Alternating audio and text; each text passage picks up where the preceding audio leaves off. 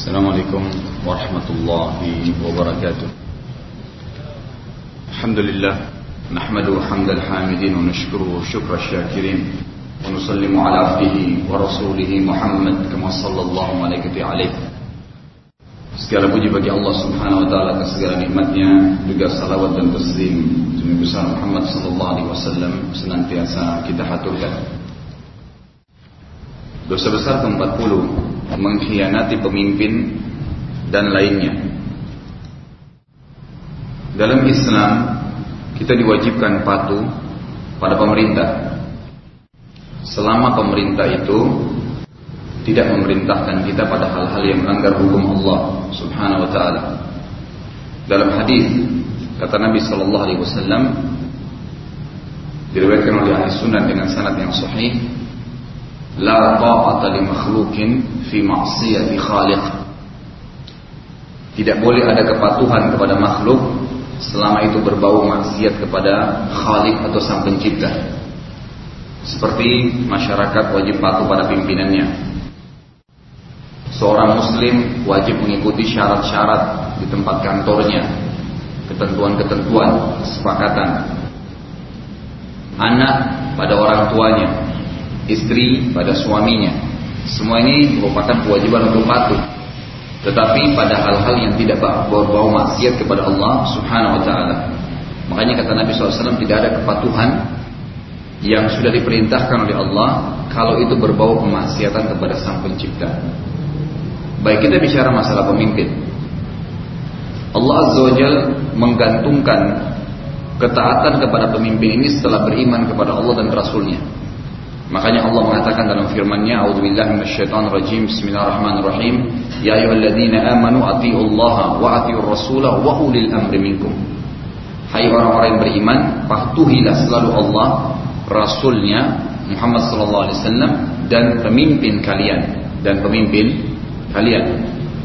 Nabi Shallallahu Alaihi Wasallam juga bersabda dalam hadis Sahih riwayat Imam Ahmad yang bunyinya taatilah pemimpin kalian dalam segala hal selama ia tidak menyuruh kalian bermaksiat kepada Allah walaupun yang memimpin kalian adalah seorang budak berkulit hitam dari Afrika.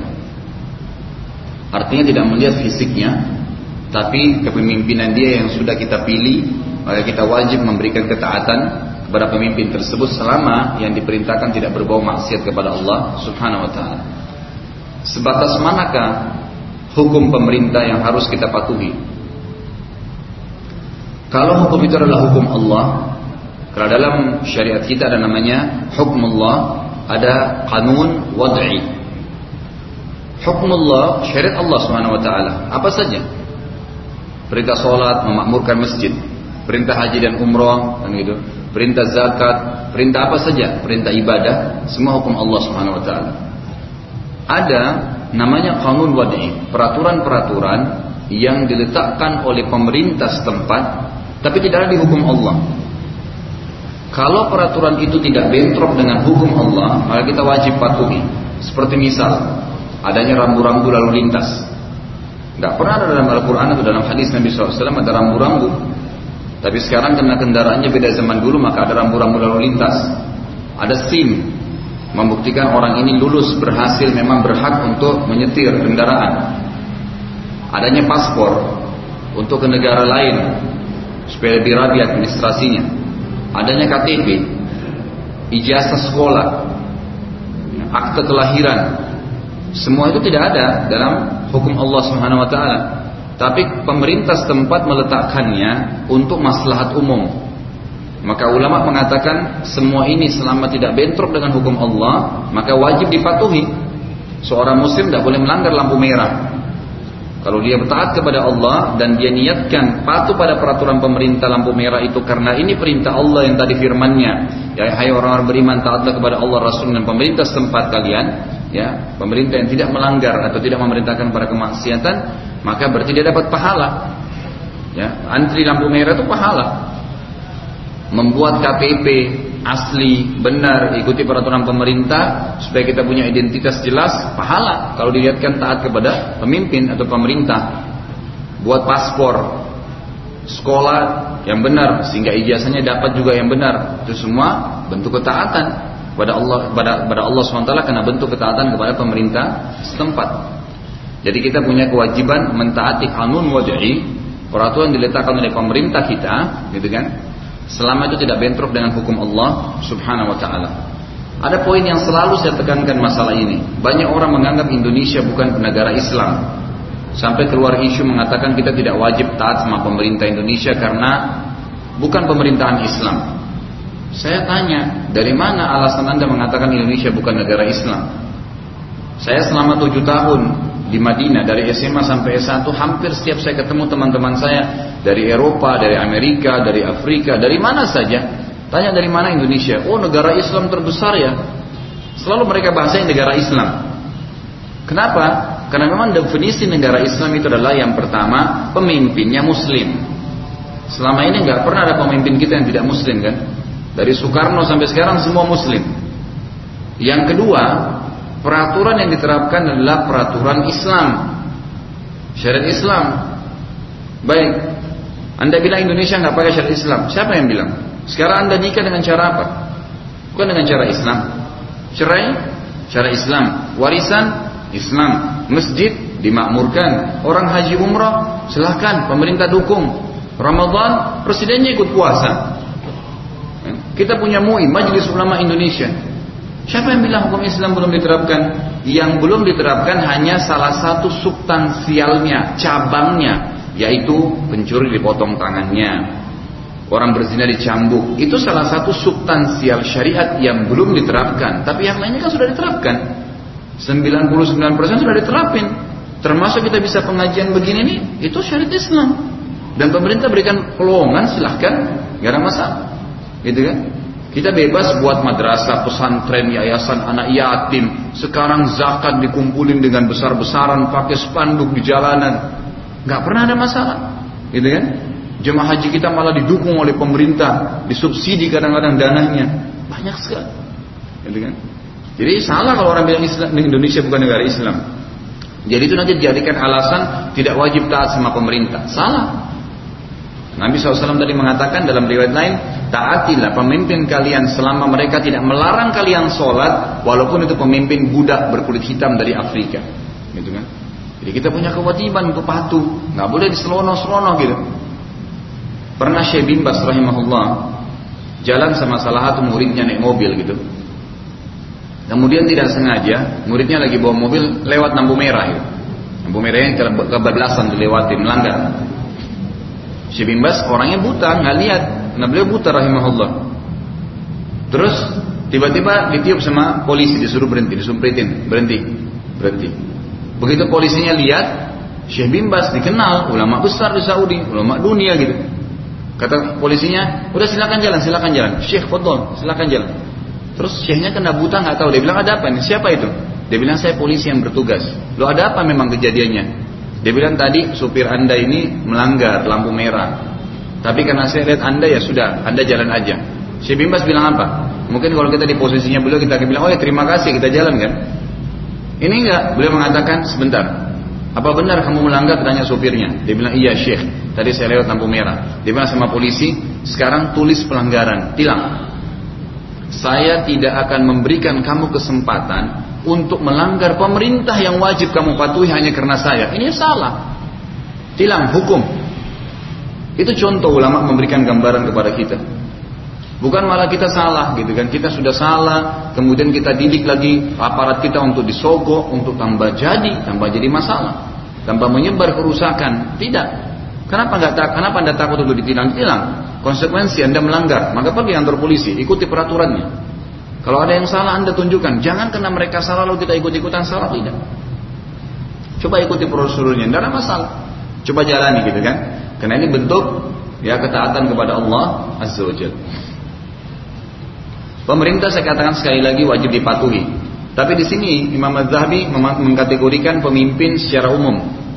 Jadi pemimpin di sini mengkhianati pemimpin, bisa pemimpin pemerintah atau pemimpin instansi kita masuk ke sebuah lembaga kerja, ada akadnya. Masuk jam 7 pagi, keluar jam 5 sore. Ingat kata Nabi SAW, al-mu'minuna ala syurutihim. Orang mukmin wajib patuh dengan syarat yang telah disepakati. Datang jam 7, keluar jam 5. Nggak boleh datang jam 7 lewat satu menit.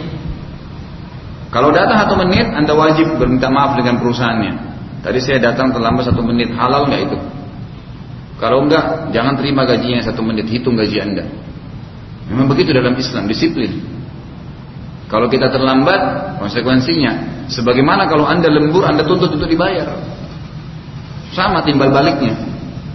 Jadi orang mukmin yang benar, makan yang halal, dan latih diri kita untuk disiplin. Karena jiwa manusia itu kalau tidak dipaksa, tanda kutip disiplin, tidak akan disiplin kita. Lebih suka berlihai-lihai, malas-malasan, melanggar, itu jadi makanan pagi kita gitu. Maka harus kita disiplinkan. Adanya waktu sholat, ya kan? adanya gerakan sholat harus tepat, nggak boleh salah, bacaannya harus tepat, masuk waktu, tutup aurat, itu pengadaran terhadap disiplin. Supaya manusia disiplin, harus. Kalau sholat duhur jam 10 pagi nggak diterima, tunggu waktunya, disiplin. Yang sholat di awal waktu pahalanya lebih besar, yang sholat di waktu kedua beda pahalanya, waktu ketiga kalau dia terlambat dihukum berdosa. Gitu kan? Jadi ada disiplin, ada hukuman, ya ada janji positif. Ada pahala ada balasan dan ada hukuman. Begitu peraturan dalam Islam. Ya, jadi saya kadang-kadang kalau isi training-training kalau di perusahaan-perusahaan saya katakan begitu jadi kalau dihubungkan antara training ini dengan agama kan anda tanya saya seorang ustadz kok bisa ngisi training di sebuah perusahaan? Maka saya bahasakan itu karena S3 saya kemarin nyusun masalah manajemen. Maka saya bilang sama teman-teman di sana anda harus komitmen menjalankan perintah itu. Dan kebetulan disertasi yang saya tulis itu judulnya Spiritual Quotient dalam peningkatan kinerja dan produktivitas. Bagaimana ketakwaan seseorang patuhnya pada Allah membuat uh, efek besar sekali ke kinerja dan produktivitasnya. Seorang pegawai di perusahaan kalau sudah tahu ada Tuhannya dan dia tahu bentuk ketaatannya pada pemimpinnya walaupun tidak ada adalah bentuk ketaatan kepada Tuhannya, dia akan komitmen datang on time walaupun tidak ada tidak ada atasannya.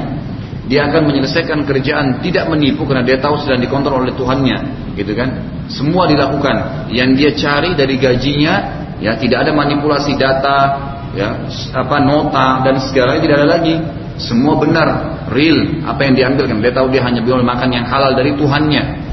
Semua itu akan ditekankan sehingga memang betul-betul seorang muslim patuh gitu. patuh ini termasuk pemimpin di lembaga. Pemimpin juga dalam rumah tangga sama.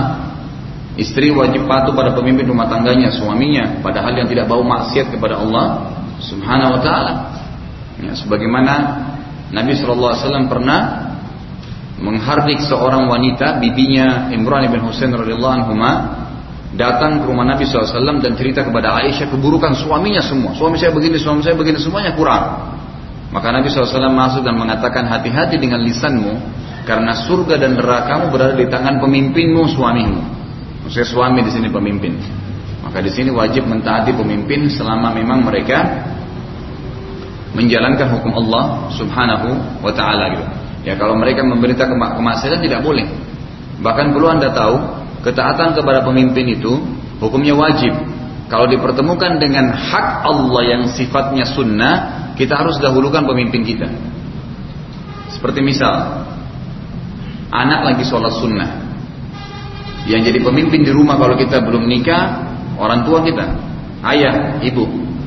Kalau mereka manggil, kita lagi sholat sunnah, maka kita wajib membatalkan sholat sunnah kita karena menjawab panggilannya wajib dan kita sedang ibadah sunnah.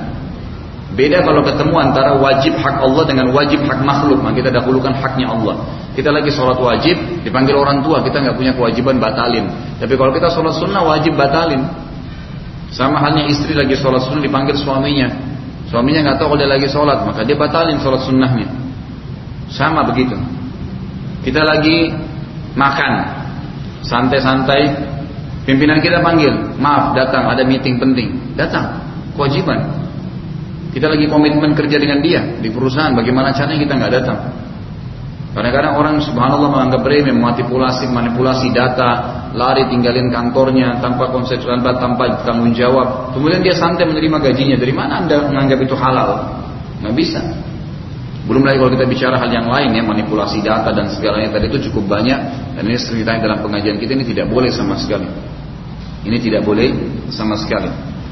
Baik, jadi mengkhianati pemimpin dalam Islam semua hukumnya haram, tidak boleh. Dan sebaliknya kalau kita patuh dengan mereka, maka justru kita akan mendapatkan pahala dari Allah SWT bentuk ibadah itu, bentuk ibadah kepada Allah Subhanahu wa taala. Beliau mengangkat Imam Az-Zahabi. Dalil pertama adalah surah Isra ayat 34 yang bunyinya a'udzubillahi minasyaitonirrajim wa aufu bil ahd innal ahda kana mas'ula. Penuhilah janji kalian kesepakatan kalian. Deal apa itu? Antara suami istri mana kewajiban mana mana tugas dan mana hak. Kemudian di perusahaan antara pegawai sama atasan mana hak pegawai kerja jam sekian sampai jam sekian. Tugas perusahaan memberikan gaji sekian ada kan? Fasilitas ini, kan gitu, tugas. Ini semua. Pemimpin dipilih, dia penuhi kebutuhan masyarakatnya. Maka ini semua contoh-contoh. Dan penuhilah janji. Sesungguhnya janji itu pasti diminta pertanggungjawaban. Kata Allah dalam surah Al-Isra ayat 34. Juga Allah Subhanahu wa taala mengingatkan dalam surah ya, Al-Maidah ayat 1, A'udzubillahi minasyaitonirrajim Ya ayyuhalladzina amanu at'aufu bil uqud. Hai orang-orang yang beriman, penuhilah akad-akad kalian, kesepakatan kalian. Apa yang telah disepakati jangan dilanggar. Dalam surah An-Nahl ayat 91 Allah ingatkan juga auzubillahi minasyaitonirrajim wa aufu wa aufu bil ahdi bi ahdillahi idza ahadtum dan tepatilah perjanjian dengan Allah apabila kalian berjanji. Berjanji, saya akan bayar utang saya pada tanggal sekian ya. Berjanji tuh, komitmen, jalanin. Jalanin. Jangan tidak. Kalau tiba waktunya belum bisa, sampaikan maaf, minta waktu lagi. Jangan lari. Jangan HP-nya dimatikan. Ganti nomor. Dia pikir dia bisa lari dari manusia. Nggak bisa, dari Allah SWT nggak mungkin. Semua uang haram akan berefek bahaya buat kita. Bisa jadi penyakit, bisa jadi ribut suami istri, cerai gara-gara uang haram di rumahnya, anaknya sakit berat. Dia di akhir hidupnya cuci darah, sekian ratus juta dibayar, banyak sekali masalah. Beli mobil dari uang haram, tabrakan. Jadi kacau balau semuanya. Maka benar-benar harus kita menjaga ahad itu. Ya, perjanjian kita, kesepakatan kita sama siapa pun harus. Saya akan kerjasama dengan Anda. Misal, dalam satu bisnis tertentu. Dengan syarat saya akan meletakkan modal saya sekian bulan. Sekian bulan ini kita bagi hasil. Baik, itu kesepakatan. Sudah disepakati oleh pihak yang kedua, maka harus dijalankan. Jangan tiba waktunya orang mau tarik modalnya kita nggak boleh. Sudah sepakat sama dia. Kecuali kalau memang tiba-tiba dalam enam bulan itu terjadi kerugian, tidak boleh. Ya. Sama juga hal sebaliknya. Kita bisnis sama seseorang. Bisnis itu konsep dalam Islam adalah untung rugi ditanggung bersama. Kan gitu. Ada orang subhanallah, begitu untung senang dia terima untungnya. Begitu rugi dia nggak mau tahu, kembali ke modal saya. Nggak bisa, modalnya ke mana? Lari, hilang barangnya dibawa lari orang, tenggelam di lautan, gitu kan? Rusak makanan, nggak bisa lagi dibayar.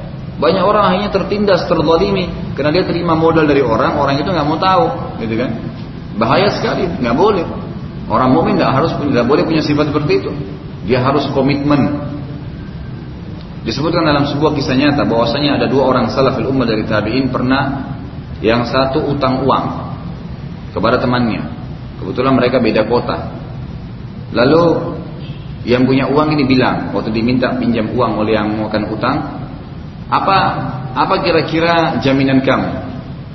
Dia bilang saya nggak punya jaminan. Saya nggak punya apa-apa. Saya mau pakai uang ini untuk kebutuhan berbisnis. Kalau selesai saya kembalikan dalam waktu tertentu dan cukuplah Allah saya jadikan sebagai jaminan. Lalu kata orang itu, kalau begitu uh, saya akan pinjamkan, gitu kan? Tapi mana saksinya? Dia bilang tidak ada orang sekarang ini, semua cuma kita berdua. Kalau kau mau saya jadikan Allah sebagai saksi. Dia bilang baiklah. Selama kau jadikan Allah sebagai jaminan, Allah jadi saksi, maka cukuplah. Saya tidak akan minta apa-apa. Dikasihlah duitnya. Setelah beberapa waktu kemudian, waktu dikembalikan uang, yang meminjam ini ingin komitmen. Kebetulan dari kota dia, negeri dia ke negeri temannya yang tadi punya uang, yang punya piutang, itu harus melewati laut. Dan pada hari itu kapal tidak masuk. Dia bingung nunggu sampai mau terbenam matahari. Ini gimana caranya nih? Nggak ada kapal. Dia mau komunikasi di sana mengatakan minta maaf, nggak ada kapal, nggak bisa. Nggak ada komunikasi kita sekarang ada telepon misalnya, nggak ada. Akhirnya dia letakkan uang yang dia pinjam itu di dalam sebuah botol, kemudian dia taruh di pinggir lautan yang dia tunggu kapal tidak ada dan dia bilang ya Allah, saya sudah janji menjadikan engkau sebagai jaminan dan menjadikan engkau sebagai saksi dan hari ini aku harus mengirim uang ini karena kapal pun kalau jalan ke negeri temannya butuh dua hari maka ini harus dikirim hari ini. Kalau enggak, maka nanti tidak tepat waktu. Aku bertawakal kepadamu ya Allah. Diletakkan botol itu di air. Dua hari kemudian, temannya yang punya piutang di negerinya itu nunggu-nunggu, nggak ada kapal masuk. Tunggu sampai mau terbenam matahari nggak ada kapal. Padahal ini hari sudah tepat akan janjian bayar utang. Yang terjadi pada saat dia mau pulang, subhanallah, botol tadi yang ditaruh oleh temannya dari negeri yang sebelah itu ada mendekat, terdampar, dia tertarik untuk lihat, begitu dibuka, ternyata ada uang jumlah seperti yang dipinjam dan di dalam ada ada kertas tulisannya, saudaraku, ini aku sudah menjadikan Allah sebagai jaminan dan Allah sebagai saksi dan ini aku ngirimnya melalui lautan, aku bertawakal kepada Allah semoga sampai di tanganmu. Maka diambillah sama dia. Allah Azza wa punya cara, gitu kan? Allah pemilik langit dan bumi dan apa pun. Maka begitulah mereka komitmen dalam menjalankan janjinya. Hati-hati, orang mukmin tidak sembarangan lempar janji. Ada orang subhanallah janji itu cuma seperti air yang mengalir atau udara tidak ada nilainya. Iya saya datang, iya gampang saya bayar, iya nanti saya begini. Karena sebenarnya tidak ada yang dijalankan. Berbahaya sekali. Sifat munafik itu. Kata Nabi SAW tanda-tanda munafik ada tiga. Kalau mereka berjanji tidak tepati. Kalau mereka ya berbicara mereka bohong. Kalau mereka diamanahkan mereka berkhianat. Sifat munafik kata Nabi SAW pastikan dia munafik sampai dia taubat. Sampai dia taubat. Jadi ini hal-hal mendasar yang harus diketahui. Kemudian kata Nabi SAW ini hadis tadi yang saya bilang hadis muttafaqun alaih arba'un man kunna fihi kana munafiqan haqqa man idza haddatha kadzab wa idza tumina khan wa idza ahada ghadar wa idza khasama fajar. Ada empat perkara yang terjadi dan apabila apabila terdapat pada diri seseorang maka dia seorang munafik yang sebenarnya, munafik yang tulen. Dan orang munafik kita sudah tahu ya di neraka itu kata Allah innal munafikina fid darkil asfali minan nar. Munafik itu di dasarnya api neraka. Di bawahnya orang-orang kafir lebih berat siksaannya. Orang kafir jelas kekafirannya, kalau orang munafik tidak. Muslim tapi dia sifatnya tidak muslim, tidak menjalankan Islam. Yaitu empat perkara itu yang pertama orang yang apabila berbicara maka dia dusta. Ada orang hidupnya dusta terus, ya. Rasanya kayak nggak bisa kalau nggak dusta gitu. Kebohongan dari mana bisa?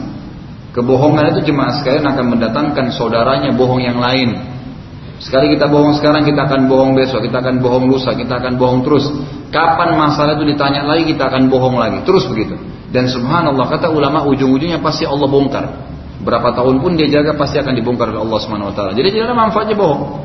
Kata Nabi SAW, jagalah kejujuran itu walaupun di depan mata kalian kehancuran. Kalau saya terus terang nanti akan hancur. Enggak. Yakin Allah akan tolong. Dan jauhilah ya, apa namanya? E, jauhilah kebohongan dari tadi lazimilah kejujuran walaupun depan mata kalian kehancuran dan jauhilah kebohongan walaupun depan kalian kalian lihat kesuksesan. Tidak boleh sama sekali kita akan tenang. Sekali kita jujur, maka masalah pada saat itu habis, nggak nginep. Tapi kalau bohong bahaya, bohong akan mendatangkan bohong yang lain, bohong yang lain banyak sekali bohongnya. Jadi dosa terus. Kemudian dikatakan juga yang kedua adalah bila dia diberi amanah maka dia berkhianat. Amanah bisa materi, bisa perkataan. Misal ada teman anda bilang, saya mau cerita sesuatu tapi jangan cerita orang ya. Kita bilang, oh iya saya nggak cerita. Kita tampung cerita dari dia, besok kita ceritain ke teman-teman. Khianat. Seburuk apa pun cerita dia nggak boleh kita ceritain. Kita sudah komitmen bilang iya saya nggak cerita. Kecuali kalau anda tidak diambil kesepakatan itu silahkan masih terbuka. Itu pun ada batasannya. Kalau memang itu gibah maka tidak boleh diceritakan, menceritakan aib orang lain. Ya, yang boleh diceritakan kalau misalnya dia memang orangnya buruk, ya mungkin dia berbahaya, dia ingin mencuri misalnya, Lalu kita buka itu kepada aparat setempat supaya tidak terjadi pencurian itu lain. Kemudian amanah juga masuk dalam masalah harta. Amanah dititipkan apa pun. Ya, maka kita harus jaga itu. Yang ketiga bila melakukan perjanjian maka dia melanggarnya. Ini jadi saksi bahasan kita. Sepakatan apa? Dilanggar. Dan bila yang keempat bertengkar atau berdebat, maka dia berbuat keji, kecurangan. Ada orang subhanallah masuk di pengadilan, bukan surat tanahnya, buat surat palsu. Untuk apa? Sebidang tanah di bumi, seribu kali seribu meter, 20 miliar nilainya. Dia merasa menang masuk ke rekeningnya. Terus dapat apa? Berapa banyak Anda makan? 20, 20 miliar itu bisa dibeli e, eh, 20 miliar piring makanan, Anda bisa makan semuanya bisa. Maksimal 3 piring sehari. Kan gitu. Kue berapa macam Anda bisa makan? Air berapa liter Anda bisa minum? Mungkin kita setelah minum satu hari ini besok mati. Uang haram, jadi penyebab terbakarnya di api neraka. Bagaimana bisa orang mempertemukan antara hukuman Allah SWT yang berat dengan pelanggaran tadi itu? Juga kata Nabi SAW dalam hadis riwayat Imam Muslim di kulli gadirin liwa'un yawmal qiyamah indastihi yuqalu hadhihi qudratu fulan ala wala ghadira a'zama ghadran min amiri ammah. Setiap orang yang melanggar perjanjian akan memiliki tanda berupa bendera pada hari kiamat di pantatnya. Semua orang akan mengetahui itu di mahsyar dikatakan di sana nanti ini adalah pelanggaran ya perjanjian fulan maksudnya bendera itu tertulis ini orang yang berkhianat atas perjanjiannya Ketahuilah, tidak ada pelanggaran perjanjian yang lebih besar pelanggarannya daripada melanggar janji terhadap pemimpin umum kaum muslimin. Ya, boleh. Ya. Makanya saya sering ingatkan juga nggak boleh sembarangan ngomong kepada tentang presiden kita. Salah sedikit langsung semuanya sudah habis kebaikannya orang. Mana caranya? Manusia bisa punya kesalahan. Kalau dia punya salah doain. Ya Allah berikan hidayah. Umar radhiyallahu mengatakan, kalau seandainya saya pastikan ada doa saya pasti mustajab, maka saya akan jadikan untuk pemimpin. Karena kalau mereka baik maka akan baik semua masyarakatnya. Daripada anda ngomel-ngomel ngoceh-ngoceh doa-doain yang tidak-tidak maka lebih baik anda doakan. Ya Allah mudah-mudahan dia dapat hidayah. Siapa tahu subhanallah. Allah terima dan dapat hidayah selama dia menerapkan keputusan-keputusan yang positif. Karena doa anda anda panen pahalanya dan berapa banyak kita bisa panen kalau dia makmurkan masyarakatnya gitu doain yang baik yang positif apalagi taat kepadanya adalah bentuk ketaatan kepada Allah subhanahu wa ta'ala juga Nabi SAW bersabda, Qala Allah Ta'ala, ana khasmuhum yawmal qiyamah, rajulun a'ta bi thumma qadar, wa rajulun ba'a fa akala thamanah, ista'jara ajiran fastawfa minhu wa lam yu'tihi ajrah. Hadis ini riwayat Bukhari. Allah berfirman dalam hadis Qudsi, tiga golongan manusia aku akan menjadi stru, musuh mereka pada hari kiamat. Pertama seorang laki-laki yang memberikan sumpahnya dengan menyebut namaku kemudian melanggarnya. Demi Allah begini, demi Allah begini, demi Allah begini, tapi dilanggar semua. Itu musuh Allah pada hari kiamat yang pertama. Musuh Allah yang kedua pada hari kiamat adalah laki-laki yang menjual orang yang merdeka lalu memakan harganya. Orang merdeka maksudnya kayak kita ini sekarang. Enggak ada yang yang jadi tuan kita, kita semua orang merdeka. Karena keterbudakan itu ada, tapi dari hasil peperangan. Misal terjadi perang antara muslimin dengan orang kafir. Terus pasukan Islam menang. Maka semua yang dipasukan orang kafir itu jadi ghanimah, harta rampasan perang. Termasuk orang-orangnya, prajurit perang kafir itu jadi budaknya kaum muslimin. Dibagi-bagi kepada mujahidin. Budak-budak ini bisa diperjualbelikan oleh mereka, tapi disunnahkan dalam Islam untuk dididik ya dengan agama lalu dibebaskan dari keterbudakan. Makanya sumpah Salah, bebasin budak kafaranya. Berhubungan suami istri siang Ramadan, bebasin budak kafaranya. Gitu kan? Bebasin budak, bebasin budak. Membunuh orang muslim tanpa sengaja, bebasin budak kafarahnya. Jadi budak itu dibebasin gitu kan. Nah kalau orang kayak kita misalnya tiba-tiba ditangkap oleh perampok. Kemudian tiba-tiba langsung di, di, dipinsanin, dikirim ke satu negara, dijual. Itu namanya menjual orang bebas. Orang-orang mungkin tenaga kerja kita Dikatakan misalnya dia di sini kerja di satu tempat negara tertentu misalnya baik, ternyata sampai di sana tidak, jadikan budak, jadikan e, selir, dijadikan apa yang tidak ada hukumnya, maka itu berarti menjual. Ini yang kedua, orang yang menjual orang merdeka lalu memakan harganya, nilainya. Yang ketiga, seorang laki-laki yang menyewa seorang pekerja lalu meminta semua haknya haknya darinya, namun dia sendiri tidak memberikan upahnya. Kita punya perusahaan nih, ribut para pegawai, komitmen, disiplin, A, B, C segalanya dari jalanin, nggak dikasih gajinya. Kalau orang terlambat dia marah. Tapi kalau orang lembur nggak dikasih, nggak boleh. Maka ini termasuk orang yang ketiga yang paling dimusuhi oleh Allah pada hari kiamat. Tentu kalau dimusuhi Allah artinya azabnya akan pedih, kan pada hari kiamat. Lalu Nabi Shallallahu Alaihi Wasallam mengatakan dalam hadis Muslim dalil selanjutnya, "Man khala yadan min ta'atin laki Allah yaumal qiyamah wala hujjatalah, wa man mata wa laysa fi unuqihi bai'atun mata mitatal jahiliyah." Barang siapa yang menanggalkan tangan dari ketaatan, maksudnya pemerintah sudah ada nih kayak kita sekarang, ada presiden, sudah jelas semua masyarakat memilihnya. Siapa yang mengeluarkan tangannya dan menanggalkan tangannya dari ketaatan, artinya dia keluar, pemerintah bilang nggak boleh begini, tetap dilanggar. Padahal itu tidak melanggar hukum Allah, ya kan? Maka ia akan bertemu dengan Allah di hari kiamat dalam keadaan dia tidak akan memiliki hujah. Tidak ada alasan, artinya dia akan masuk neraka. Dan barang siapa yang mati dan tidak ada bayat di lehernya, artinya dia tidak memberikan seperti misalnya bayat ini memberikan dukungan pada saat pemimpin sudah dipilih. Misal ada pemimpin tertentu nih, ini dibedakan dengan ikut-ikutan ya, waktu jeblos. Jeblos itu hak anda, anda melihat pemimpin yang baik, Anda ikutin. Tapi itu bukan dalam syariat sebagai satu hal yang harus. Yang harus itu kalau sudah ada pemimpin yang dipilih, kemudian kriteria dalam pemimpinan Islam ada padanya. Misalnya dia muslim, kemudian atau kalau ini kalau di negara Islam, kalau negara non muslim Anda sedang di Amerika maka tidak ada wajib pemerintahan Islam. Siapa pun dia, kita juga wajib taati selama tidak bermaksiat kepada Allah SWT walaupun pemimpinnya orang non muslim. Kalau di negara mereka ya, tapi kalau di negara kita, Allah alam yang saya tahu pendapat tidak boleh ada ketaatan kepada pemimpin non Muslim di negara Islam, gitu kan? Karena ini syaratnya negara Islam harus pemimpinnya Muslim, gitu kan? Kalau di negara mereka berbeda, maka kita punya kewajiban mentaati mereka. Kemudian pada saat sudah dipilih, kita berikan bayat. Bayat itu adalah dukungan. Bagaimana bentuk dukungan kita dengan cara mengikuti peraturan-peraturan yang tidak melanggar hukum Allah. Tadi contoh buat KTP, buat paspor, ijazah, komitmen, apa yang diminta oleh pemerintah kita jalankan semampu kita gitu kan. Maka kalau dia tidak jalankan itu, dia akan mati dalam keadaan mati jahiliyah.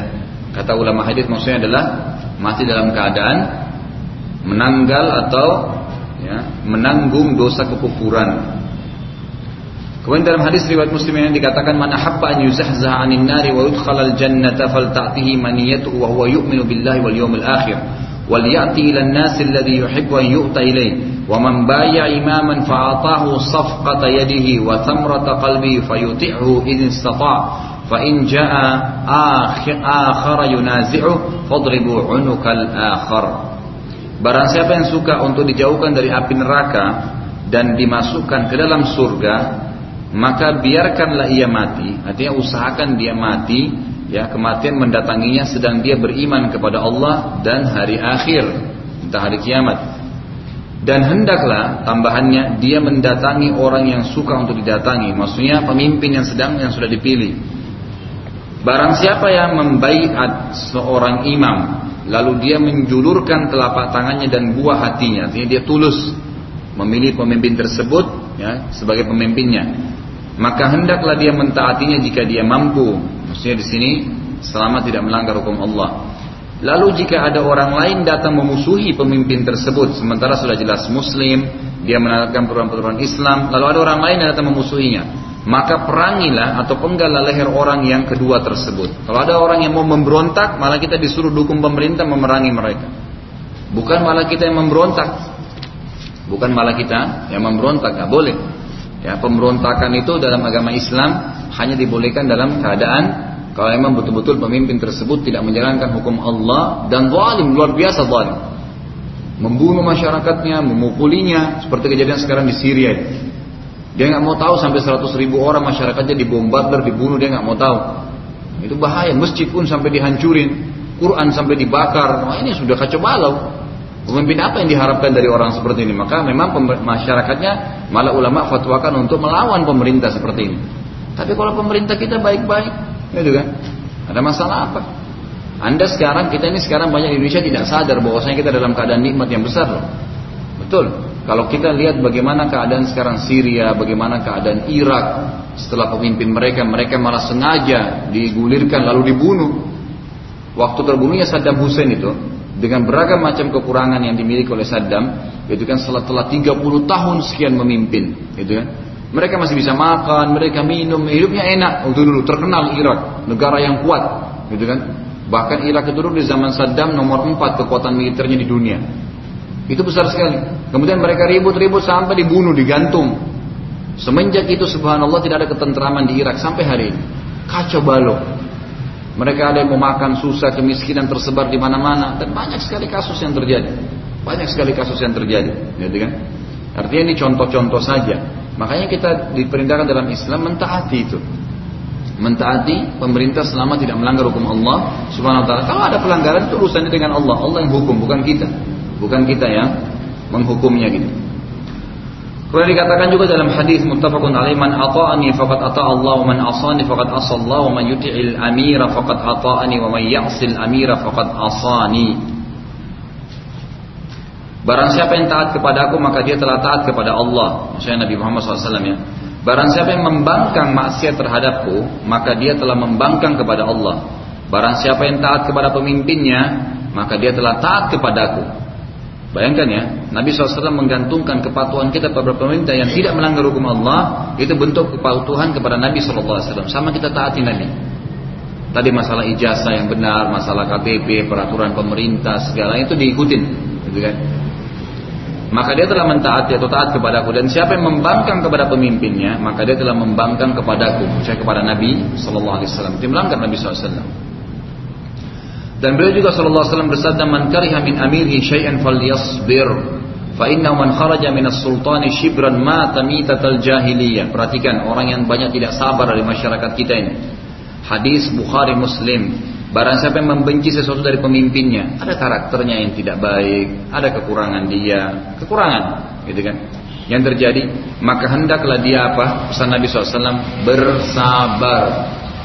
Sabar, doain, coba perbaikin bukan memberontak. Dia bersabar karena barang siapa yang keluar dari ketaatan kepada pemimpin yang sedang berkuasa sejauh sejengkal sekalipun lalu dia mati maka dia mati dalam keadaan mati jahiliyah. Ya, jadi tidak boleh dalam Islam.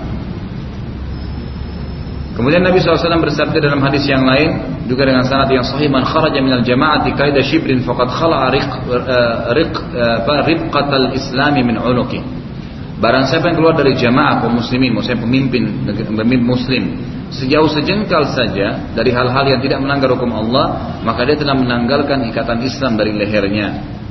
Dan kejahatan apa yang lebih besar kata beliau daripada anda membayar seorang laki-laki kemudian anda tidak mentaatinya membatalkan janji, memeranginya dengan senjata Anda atau membiarkannya dibunuh oleh orang lain.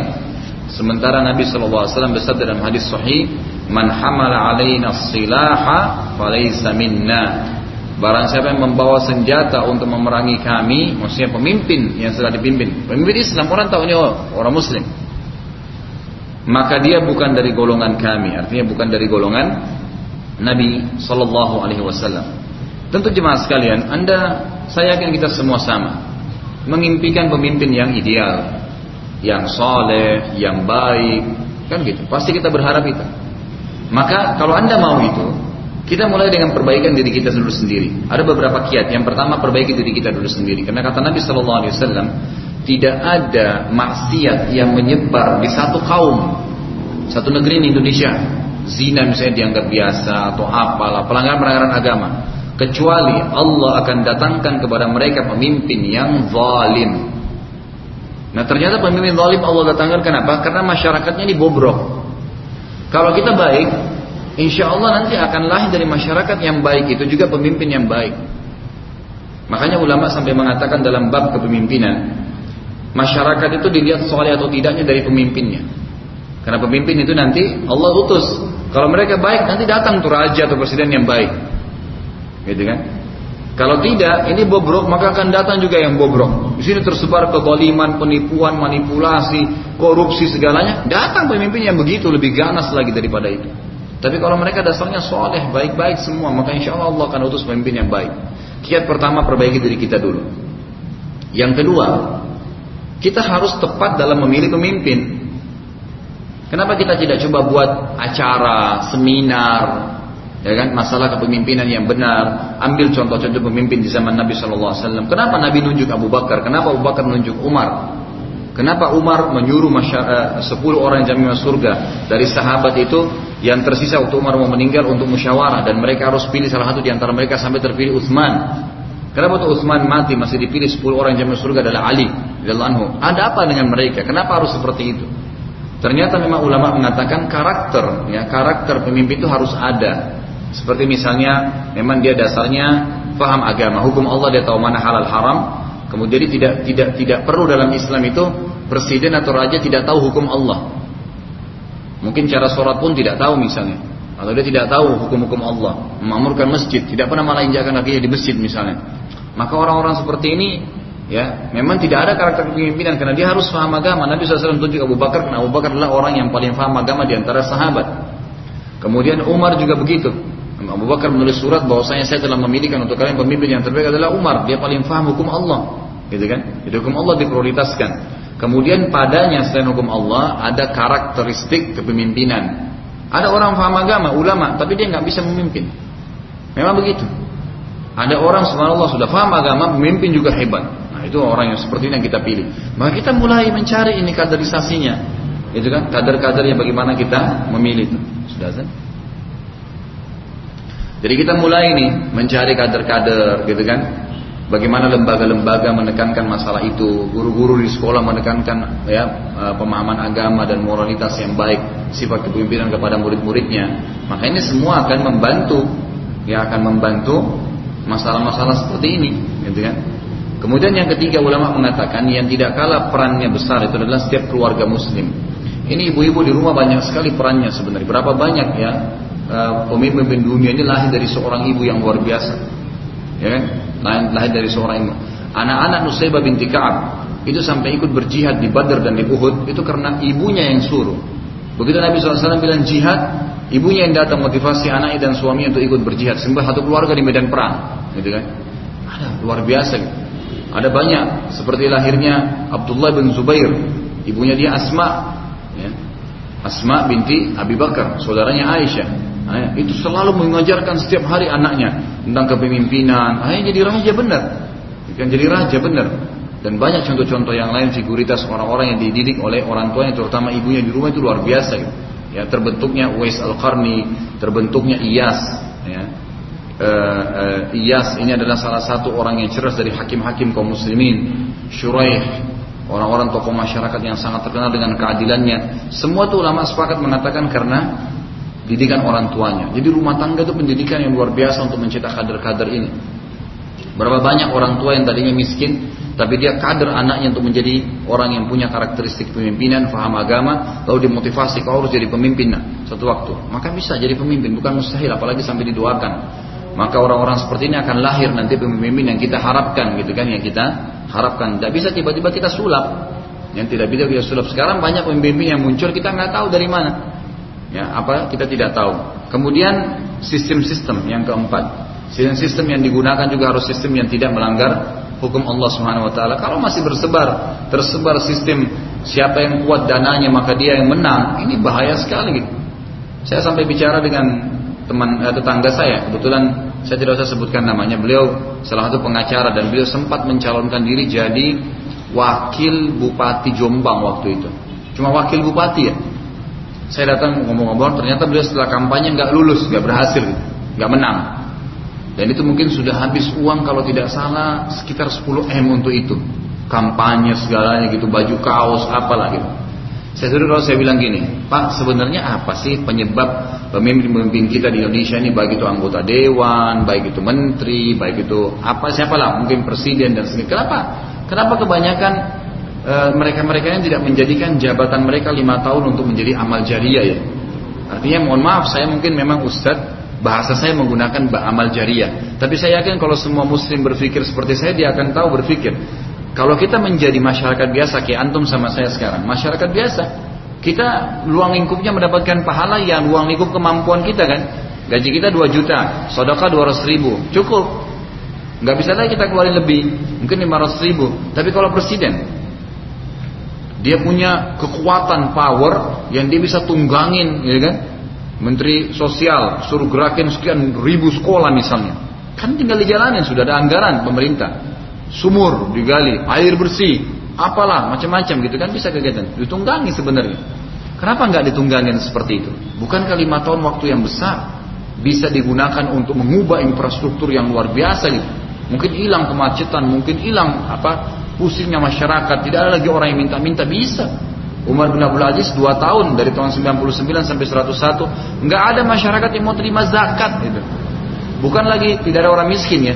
Orang semua jadi bukan lagi bukan jadi mustahik lagi, tapi memang dia yang memberi. Bukan dia yang mustahik untuk menerima zakat, tapi dia yang memberikan zakat. Dari tadi tahun lalu dia miskin gitu kan. Bagaimana bisa? Pelajari karakternya mereka gitu. Pelajari karakternya mereka. Lalu dia jawab sama saya begini, begini Ustaz. Masalahnya sistemnya kita.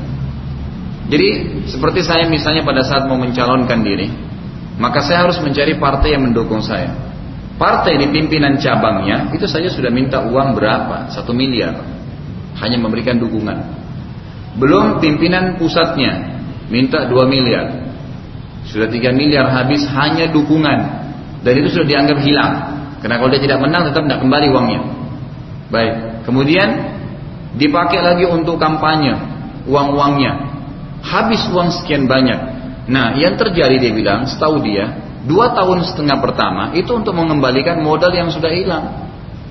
Jadi nggak ada pikirannya untuk memamurkan dirinya atau masyarakat memamurkan maksudnya mem menjalankan amal jariah bangun sekolah atau perbaiki apalah nggak ada. Gitu. kemudian dua tahun setengah tersisa kumpulin dana untuk kampanye lagi nanti jadi nggak ada target untuk menjadikan ini amal jariah kesempatan gitu kan. Itu luar biasa sebenarnya. Nah ini sistem yang keliru yang semestinya harus bisa kita bahasakan. Sabar sambil mendoakan, bukan dengan kekerasan, tapi dengan ilmu penjelasan yang benar. Maka itu akan memberikan jawaban yang tepat insya Allah. Mungkin begitu dulu insya Allah kita akan lanjutkan seperti biasa tanya jawab nanti habis isya. Kalau ada benar dari Allah, kalau ada salah dari saya mohon dimaafkan. Subhanakallahumma bihamdika asyhadu an la ilaha illa anta Wassalamualaikum warahmatullahi wabarakatuh.